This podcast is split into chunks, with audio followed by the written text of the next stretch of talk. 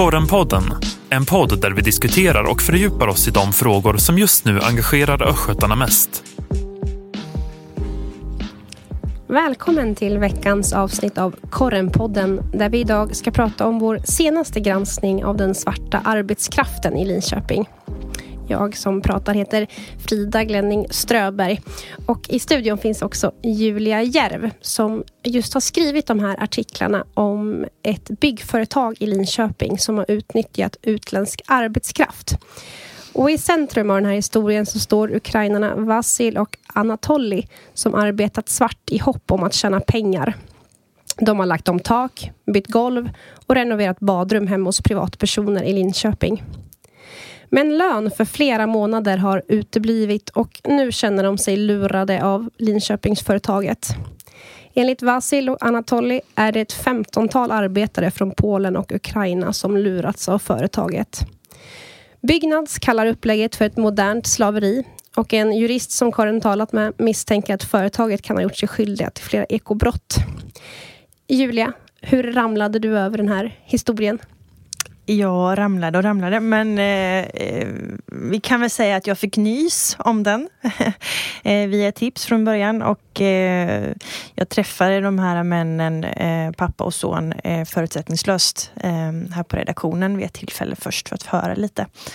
Eh, med hjälp av tolk då, eftersom de inte pratar varken svenska eller engelska. Eh, och efter det väldigt långa och ganska röriga samtalet så kände jag att ja, men det finns någonting här som eh, verkar vara värt att gå vidare med.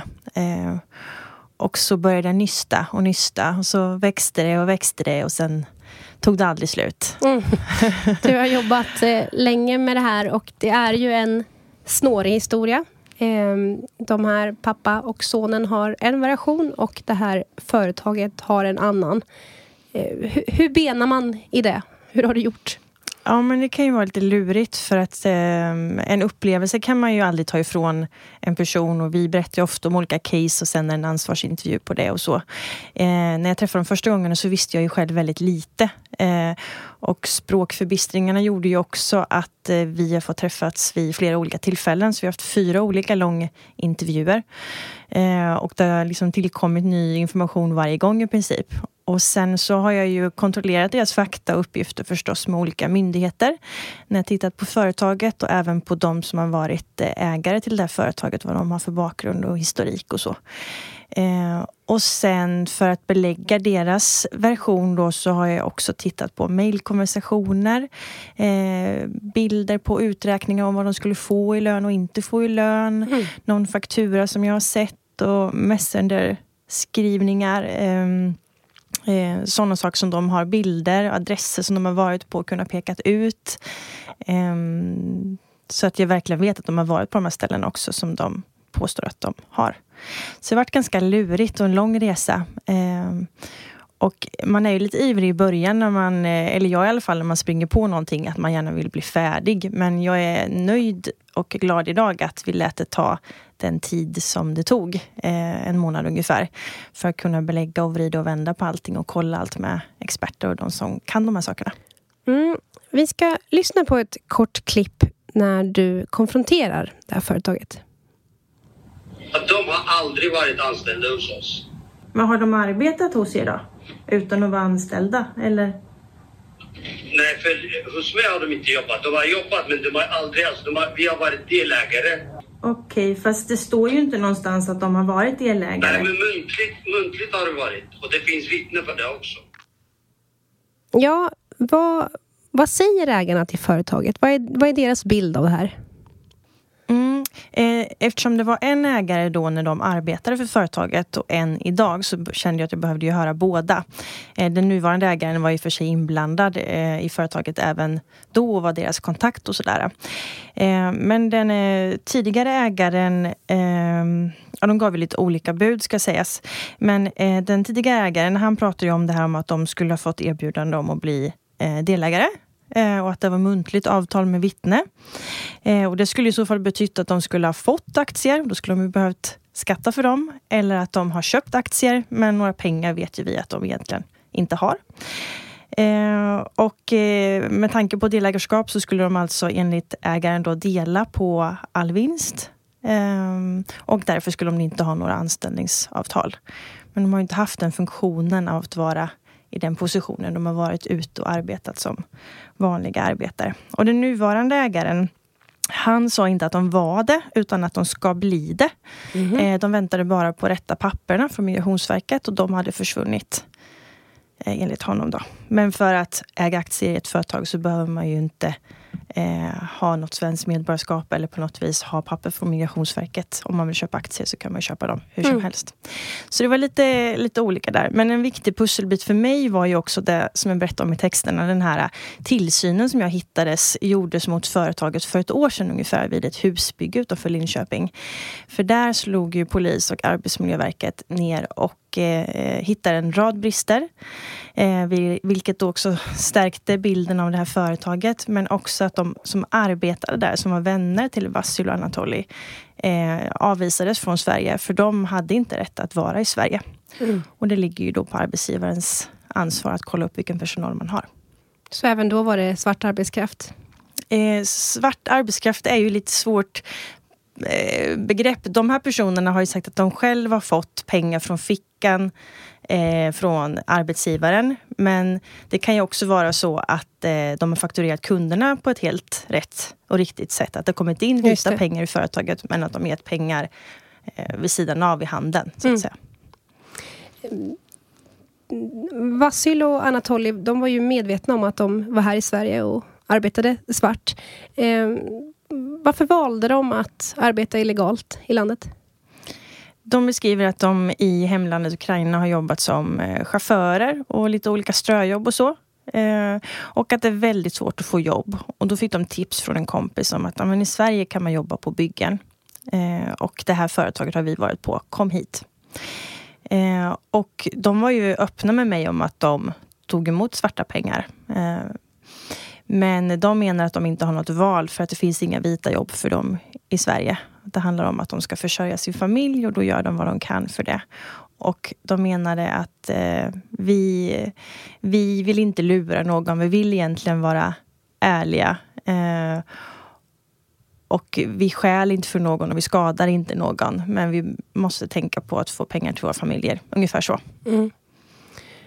Det är ganska många månader de har jobbat som de, pengar som de inte har sett till än. Eh, hur ser deras chanser ut att få de här pengarna eftersom de just inte har något skyddsnät nu när de har mm. jobbat svart?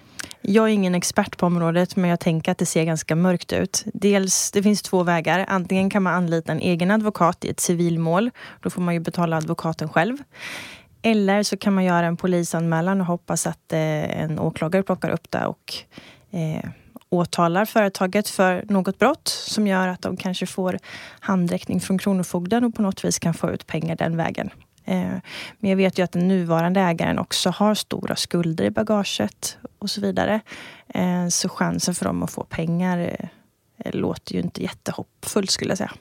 Varför valde de att ställa upp med, med namn i, i våra publiceringar? De eh, vill ju att inga fler ska bli lurade. De vill ju eh, att det här ska få komma fram för att de känner sig så illa behandlade. Mm.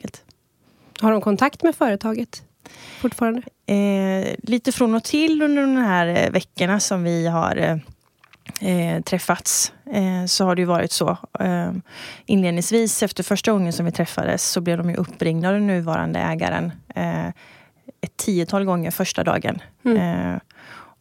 Och eh, som jag skriver i texten också så har det ju funnits önskemål då om att deras namn inte ska hamna i tidningen och att Vassila Anatoly ska förmedla det till journalisten Julia och så vidare. Mm. Du, det här är ju egentligen ett exempel på ett större problem. Eh, hur utbrett är svart arbetskraft i byggbranschen i Linköping, skulle du säga? Också en jättesvår fråga för mig att svara på. Eh, det jag vet i alla fall eh, enligt Byggnads uppgifter då är ju att eh, eh, det är väldigt utbrett och att det har varit en stor ökning också eh, regionalt och i Sverige liksom de senaste åren trots att man har gjort väldigt många eh, insatser från, eh, ja, från myndighetshåll i de här myndighetsgemensamma insatserna som kommer till för att man ska komma till rätta med arbetslivskriminalitet inom flera olika branscher. Eh, men en, det har gjorts en utredning av Byggmarknadskommissionen, en statlig utredning. Och den visar ju då att det är åtta av tio utländska företag i Sverige som bryter mot olika regler och lagar. Eh, men Byggnads ser ju också även stora missförhållanden hos svenska företag som just har utländsk arbetskraft. Att det oftast är det finns missförhållanden. Mm. Och just det du är inne på nu, ett svenskt företag. Jag tänker att många som läser din eh, granskning tänker att de blir oroliga. Har man själv gjort rätt och hur ska man gardera sig för att se till att man anlitar eh, vit arbetskraft eller går, går rätt till? Eh, har du några tips där? Mm. Ja, Byggnads lämnade en lista med tips eh, på mitt önskemål också för man tänker att det är som du säger, det är många som tänker så. Eh, och de tycker på det som säkert eh, många kanske också redan vet, men att man ska kolla med flera olika företag och begära skriftliga offerter från olika aktörer. Och att man inte alltid ska gå på lägsta pris. Mm. Eh, och är det något som sticker ut och är väldigt billigt, ja men då kan man ju ana att ja, men det här kanske inte är helt rimligt. Eh, man kan kolla referenser, kolla om de har kollektivavtal. Då går det att kolla på byggnads.se om man skriver in företagets namn eller organisationsnummer och söka och titta på. Också att de eh, betalar F-skatt och så. Då. Och sen eh, vill man gå ännu längre så kan man också kolla då lite på vem som står på ägare och vad det är för en person. Om det mm. finns tidigare konkurser eller skulder eller så. Mm. Så det finns ett stort detektivarbete att göra för den som eh, vill och är mån om det. Ja. Du, finns det någonting som förvånar dig under arbetet med, den här, med det här jobbet? Mm. Ja, förutom att jag lärt mig väldigt mycket om eh, ett område som jag inte var jätteinsatt i tidigare. Det blir ju så när man hoppar och dyker in i olika ämnen och jobb hela tiden i vårt jobb. Eh, men också det här hur lätt det är att eh, utnyttjas eller utnyttja. Alltså mm. från, från båda håll personer som är i en utsatt position som behöver snabba pengar och villiga att göra mycket för det. Eller tvärtom, någon som vill tjäna pengar på någon eh, i en bransch där det byggs mycket och eh, ja, men, de flesta Linköpingsbor tänker jag liksom är beroende av den kraften på något sätt någon gång i livet. Att man gör om hemma eller sådär. Och sen det som förvånar mig också är ju lite av det som jag kommer att följa upp sen, som jag kanske inte kan säga jättemycket om nu, men som också handlar om folks inställning till, eh, eh till de här personerna. Eh, vad jag upplevt är ju att jag tror, eller jag misstänker att många känner på sig att det finns något som inte stämmer här, men att man väljer att titta bort. Mm. Eh, och så får man sitt badrum väldigt snabbt, eller väldigt billigt. Mm. Eh, och man kanske inte kan prata eh, språkmässigt med de som är hemma liksom, när man själv är på jobbet. Och sen är det bara fixat. Men eh, att eh, ja, en uppmaning från mig då personligen att man kanske ändå ska liksom så här, tänka till en extra gång. Men är det här rimligt? Liksom? Eh, för det kan ju finnas en Vassyl eller en Anatolij bakom mm. den personen. När vi spelar in den här podden så har fyra delar släppts. Ja, det kanske det är. Ja. Du hintade om att det det kommer komma mer? Ja, men det kommer mer. Tills på eh, lördag så kommer en eh, lite mer omvärldskoll och eh, uppföljningar med reaktioner också ligger i närtid nu från olika aktörer eh, i branschen. Och sen har jag lite mer delikat uppföljning sen lite på sikt som jag hoppas kan bli klar kanske före jul i alla fall. Som jag får hålla lite på. Vi får se. Det ser vi fram emot. Mm. Tack Julia för att du medverkade i Korren-podden den här veckan och tack för att ni har lyssnat. Du har lyssnat på Korrenpodden. Ansvarig utgivare Maria Kustvik